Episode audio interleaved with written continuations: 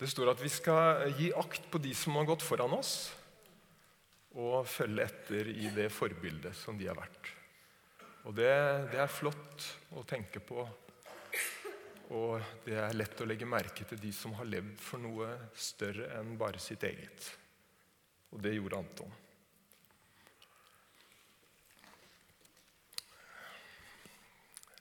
Hvis eh, du får det opp på skjermen, eh, Philip.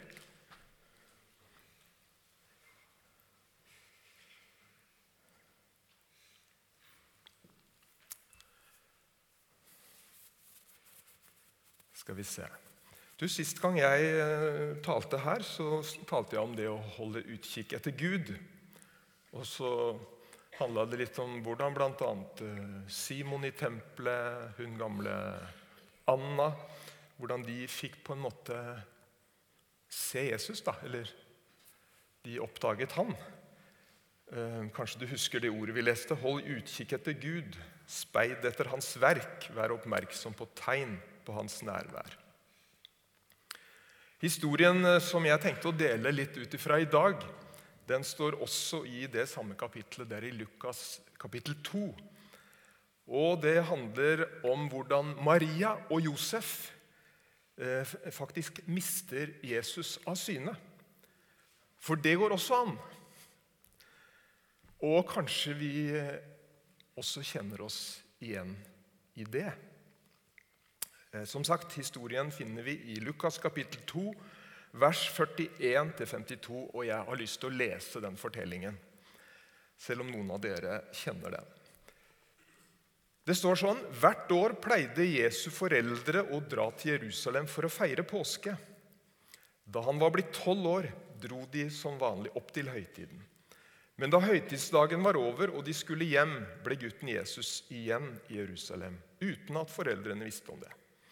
De trodde han var med reisefølge og gikk en dagsreise før de begynte å lete etter ham blant slektninger og venner. Da de ikke fant ham, vendte de tilbake til Jerusalem for å lete etter ham der. Først etter tre dager fant de ham i tempelet. Der satt han blant lærerne, lyttet til dem og stilte spørsmål. Alle som hørte ham, undret seg over hvor forstandig han var, og hvor godt han svarte. Da foreldrene så ham, ble de slått av undring, og hans mor sa, 'Barnet mitt, hvorfor har du gjort dette mot oss?' 'Din far og jeg har lett etter deg og vært så redde.' Men han svarte, 'Hvorfor letter dere etter meg? Visste dere ikke at jeg må være i min fars hus?' Men de forsto ikke hva han mente med det han sa til dem. Så ble han med dem hjem til Nasaret og var lydig mot dem. Men hans mor tok vare på alt dette i sitt hjerte. Og Jesus gikk fram i alder og visdom. Han var til glede for Gud og mennesker. Han var til glede for Gud og mennesker. Ja, her er overskriften. Men hvor er Jesus? Um, det kan hende du tenker som meg at uh, Maria og Josef hvordan, hvordan, er det mulig å, å, glemme igjen sønnen sin på tolv år i selveste hovedstaden? Du har tenkt på det, du og jeg. Og ikke nok med det, men at det går en hel dag før de i det hele tatt oppdager det. Inger og jeg vi, vi, har også noen sånne erfaringer eh, opp igjennom. Eh, hvor vi plutselig har oppdaget at én eh, er borte. Jeg husker en gang vi, vi, kom hjem. Vi hadde vært ute, kanskje hos noen folk.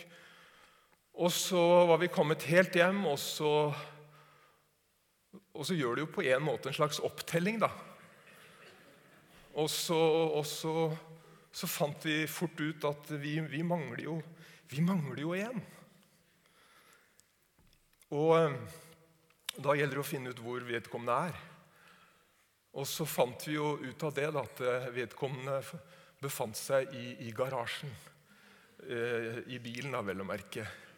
I, i, men det var ikke garasjen, huset. Det var, på, det var nede i garasjeanlegget 100 meter unna der vi bodde. Men vi, vi fant den jo. Vi slo på lyset og tok den ut, og han kom hjem. Um, men det tok ikke en hel dag å oppdage det. Det var det som var poenget mitt. Så uh, spørsmålet er liksom Hvordan var det mulig for Maria og Josef å miste Jesus til de grader av syne? Og, og kanskje det sier noe om at det å være småbarnsforeldre, det er en veldig hektisk fase. Og at Jesus lett kan på en måte bli borti alt man må gjøre. Det er noen her som kjenner seg igjen i det, er det ikke det? Eller har jeg tenkt kanskje Maria og Josef sitt liv med Jesus over tid hadde på en måte blitt veldig ordinært. da. Det var noen år siden Maria hadde hatt overnaturlig englebesøk. Hvor også hyrdene ikke sant? Dere husker den historien? Det er jo det ikke lenge siden jul. At hyrdene hadde kommet og fortalt hva de hadde opplevd, og de, de tilba barnet. At eh, de hadde opplevd at eh, løfter hadde blitt oppfylt. Det var profetier, gammeltestamentlige profetier. De var egentlig med på noe stort. De hadde opplevd sterke ting. Men nå, tolv år seinere Akkurat som det på en måte, det hadde vært stille lenge.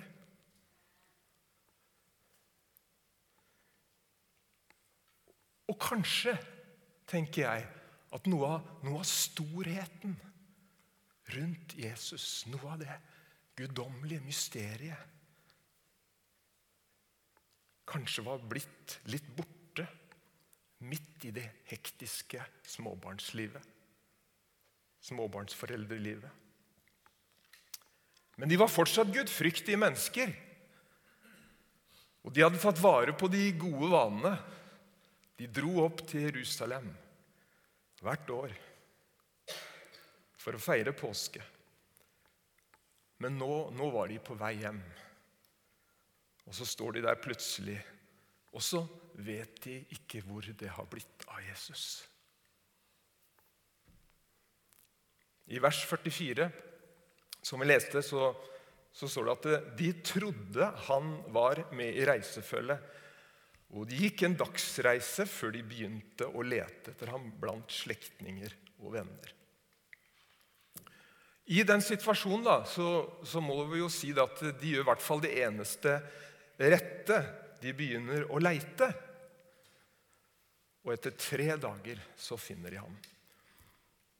Men Et lite poeng, da. Men de finner han ikke der de hadde forventet å finne ham. Kanskje vi også noen ganger leiter etter Jesus på feil steder.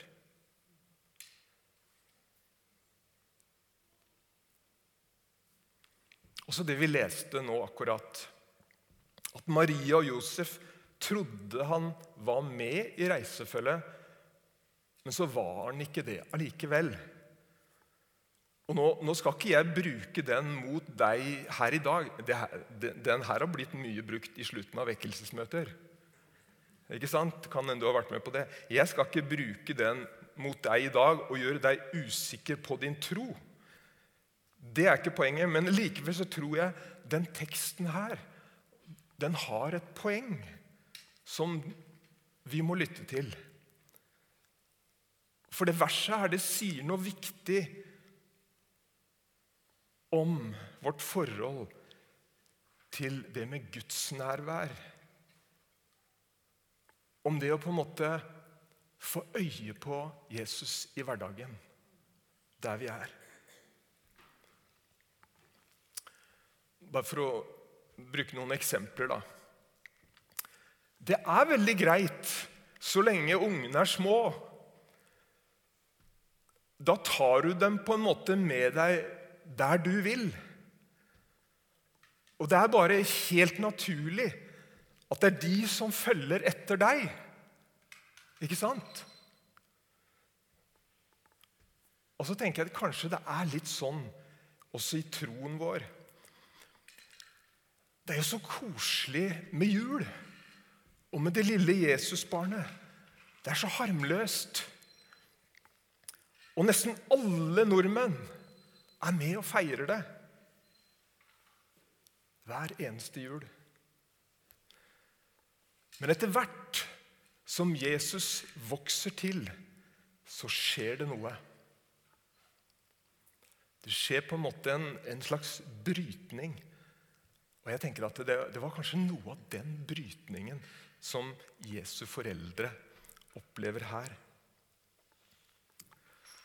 Og du som, du som har hatt unger da, og tenåringer, du, du kjenner deg sikkert litt igjen her.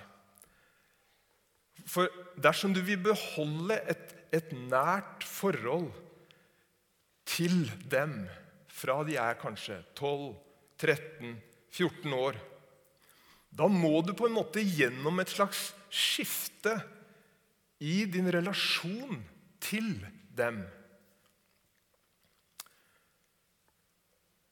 For fra at det er de som har fulgt deg, så er det faktisk sånn at du må begynne å følge dem. Du må begynne å bli med dem på det de er opptatt av og interessert i. Kjenner du deg igjen? Mm -hmm. jeg, hørte, jeg hørte ingenting, men jeg tror du kjenner deg igjen i det. Det var bare et bilde. Men poenget mitt er at det skjer et, skift, et viktig skifte her i Maria og Josefs forhold til Jesus. Ja, Jesus han var jo, han er jo, han var jo fortsatt Immanuel, Gud med oss. Men fra at i all hovedsak har vært Jesus som har fulgt dem, er det nå de som må begynne å følge ham. For det er veldig lett å komme inn i en tankegang om at Gud er med meg, ja, og Gud velsigner meg, ja. Og Gud, han vil være med meg og velsigne meg i mine prosjekter. Og that's it. Er jeg stygg nå, eller? Og det som skjer her, det er ikke uproblematisk. For det svarte ikke til Marias forventninger til Jesus. Og Josef og Maria de, de var veldig skuffa over ham. Og Nå hadde de hatt liksom tre dager til å gå sammen og leita og, og, og, og fyra hverandre kanskje litt opp.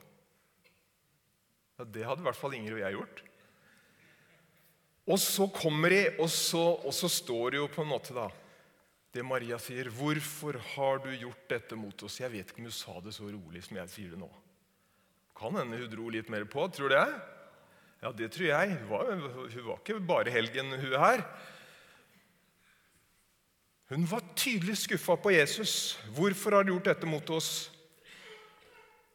Og så, og så, og så tenker jeg kanskje du også har vært skuffa på Jesus. Det er ikke sikkert han har levd opp til dine forventninger heller. Alltid. Men de gode nyhetene i denne bibelteksten her, det er ikke det at han skal følge oss, men at vi skal få følge ham. Og det er mye større. Det er et mye større liv.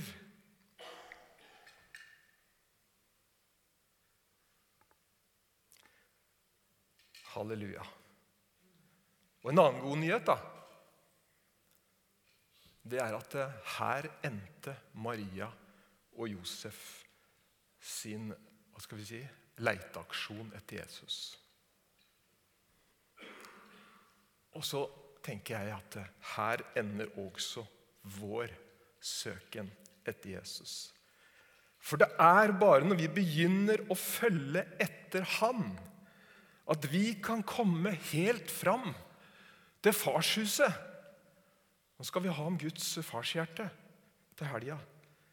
Det er bare når vi begynner å følge Han, at vi kan komme helt fram til det som er på en måte noe av Jesu mål. da. Han er jo veien, sannheten og livet. Ingen kommer til Far uten gjennom ham. Og Det å komme til farshuset, det å komme nær til Gud, det å hva skal vi si, det å komme hjem Jeg tror det er der vi kan leve. Det er der vi kan bli oss sjøl. Det er å komme hjem. Men vil ikke Gud være med meg i mitt liv da, det jeg, og det jeg holder på med?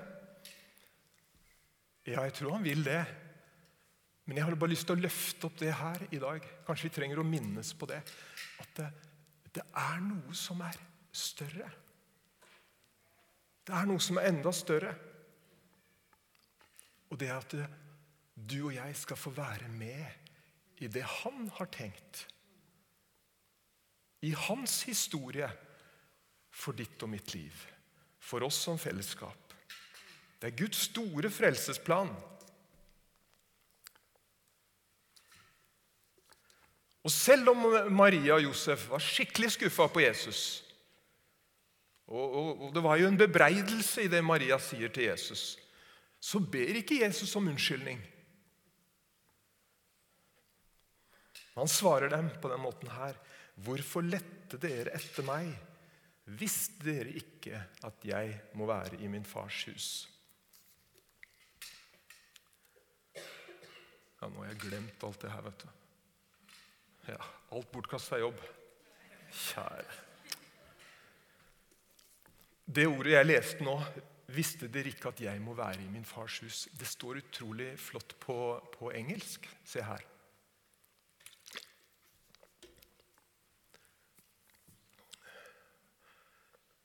Why is it that you sought me? Did you not know that I must be about my father's business? Visste du ikke at jeg må engasjere meg i min fars business, det han holder på med? Siste poeng i talen er dette. Det er så viktig å erfare Gud som far. Og det skal, vi, det skal vi sette av en hel helg til nå. Hans ubetinga kjærlighet. Ikke bare det å høre om det, men å oppleve det. Det er som å komme hjem. Men det, som, det, det å erfare Gud som far, det å erfare Gud og oppdage han at han er virkelig Det handler ikke bare om en type intimitet med Gud, men det handler også om om det å ta del i hans oppdrag. My father's business. Og Det er det som skjer med Jesus her. Og det er det Maria og Josef på en måte får en sånn oppvekker for i møte med Jesu ord i det vi leste.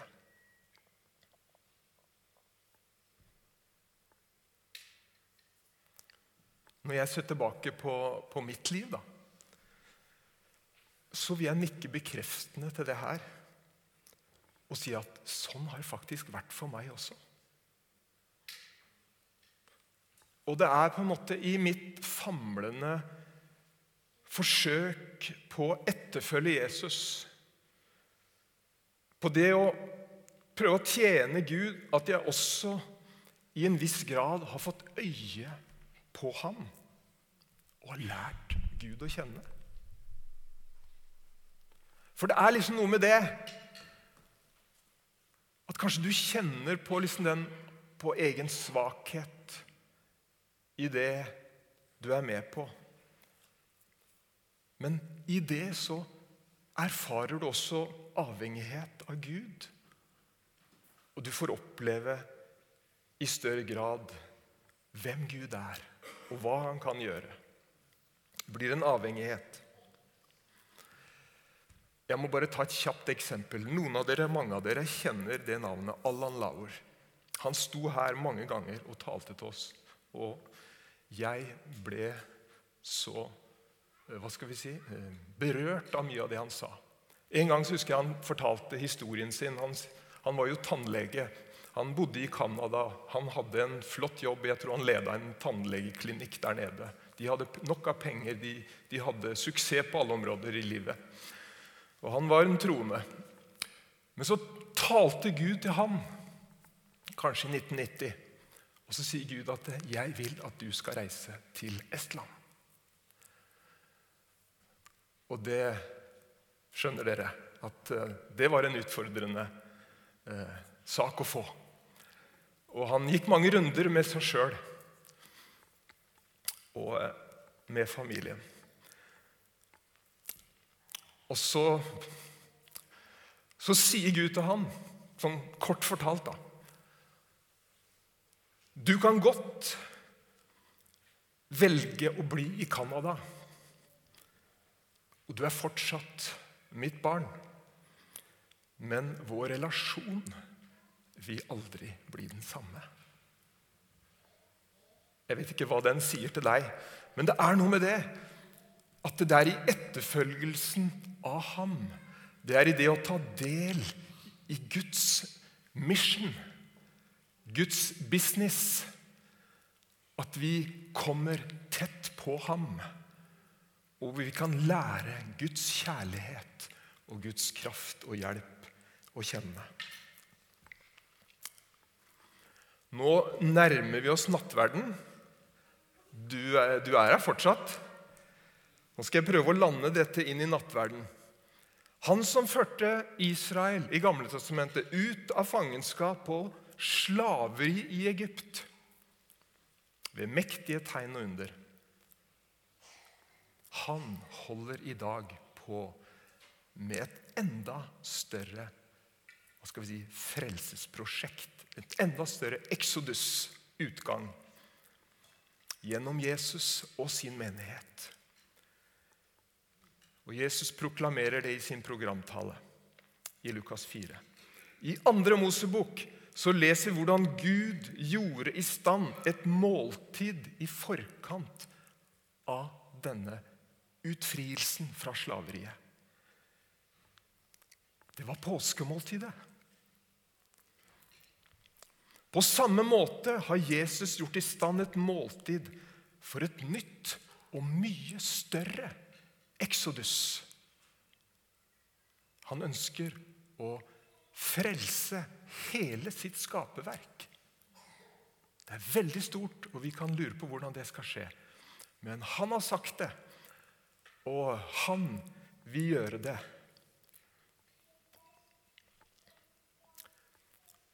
Og derfor så har han gitt oss nattverdsmåltidet.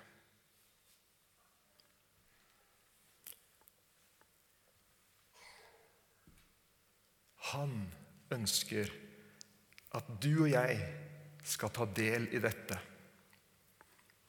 For ut ifra det jeg har sagt og det jeg har lest, så ser vi det at det, det var i det fokuset at Maria og Josef til slutt fant Jesus. Og På samme måte så tror jeg at det er i det fokuset vi også i enda større grad kan få øye på Gud og på hans gjerninger. For det er det han holder på med. Jeg synes det var så nydelig det Øyvind fortalte. Vi er med på misjon, og vi er med på dette som Gud gjør i dag. Og så får vi høre historien om hvordan Gud griper inn, og Gud gjennomfører sine planer. Det er så illustrerende for det jeg prøver å si i dag. Gjennom at vi tar del i det, så vil vi også få øye på Han. Nattverdsmåltidet, dere, det er ikke noe mindre enn et møte med Jesus. For Jesus sier at 'dette er min kropp', 'dette er mitt blod'.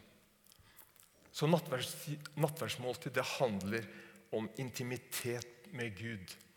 Nærmere Jesus kommer vi ikke. Men det handler ikke bare om intimitet. Det handler også om hans oppdrag i verden, her i byen og i andre land der vi er engasjert. Og det handler om at han ønsker, og han inviterer oss med til å ta del i det. Er ikke det fantastisk, da? At vi får lov til å være invitert med på det. Du må bli en del av Guds business om du ikke allerede er det. Og Derfor har jeg lyst til å si nå når vi skal ta del i nattverden La oss se på nattverden i dag som et innvielsesmåltid til det å være, til det å bli en del av Guds plan for deg og meg og for dette samfunnet som vi er en del av. At eh, det å gå til nattverd i dag kan bli på en måte et sånt ja, som vi hørte sist søndag. Ja, her er jeg. Send meg. Og så har vi mange forskjellige plasser i dette. Kanskje det er første gang du sier ja til det. Eller om du kanskje trenger å fornye deg i det. Slik som Maria og Josef trengte. Og som jeg syns er så fint å tenke på. Akkurat som med Israel og Egypt, så ble dette måltidet et styrkemåltid. Det kan oppleves litt vanskelig, det med å gi Jesus videre til de rundt oss. Det er ikke der vi føler vi lykkes best. Men jeg tror dette måltidet også skal være et måltid som skal styrke oss i vår etterfølgelse av Jesus. I vår frimodighet til å løfte opp Han. Amen. Ja. Jeg håper at dette ga mening. Og så, eh, så tror vi at Gud er her, og at han kan lede oss individuelt ut ifra der vi er. Men eh, vi skal nå lese innstiftelsesorda, og så skal dere som skal være med, eh, komme fram. Vi skal begynne med å lese trosbekjennelsen sammen. Og vi kan godt reise oss opp.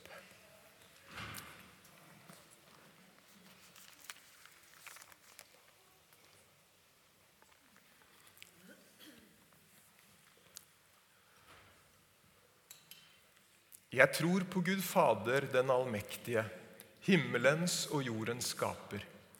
Jeg tror på Jesus Kristus, Guds enbårne Sønn, vår Herre, som ble unnfanget ved Den hellige ånd, født av jomfru Maria, pint under Pontius Pilatus, korsfestet, død og begravet, for ned til dødsriket, sto opp fra de døde tredje dag, for opp til himmelen, sitter ved Guds, den allmektige Faders høyre hånd skal derfra komme igjen for å dømme levende og døde. Jeg tror på Den hellige ånd, en hellig allmenn kirke, de hellige samfunn, syndenes forlatelse, legemets oppstandelse og det evige liv. Amen. For jeg har mottatt fra Herren det jeg også har gitt videre til dere. I den natt da Herren Jesus ble forrådt, tok han et brød, takket, brøt og sa:" Dette er min kropp, som er for dere. Gjør dette til minne om meg. På, mange, på samme måte tok han beger etter måltidet og sa:" Dette begeret er den nye pakt i mitt blod. Hver gang dere drikker av det, gjør det til minne om meg. For hver gang dere spiser dette brødet og drikker av begeret, forkynner dere Herrens død helt til Han kommer.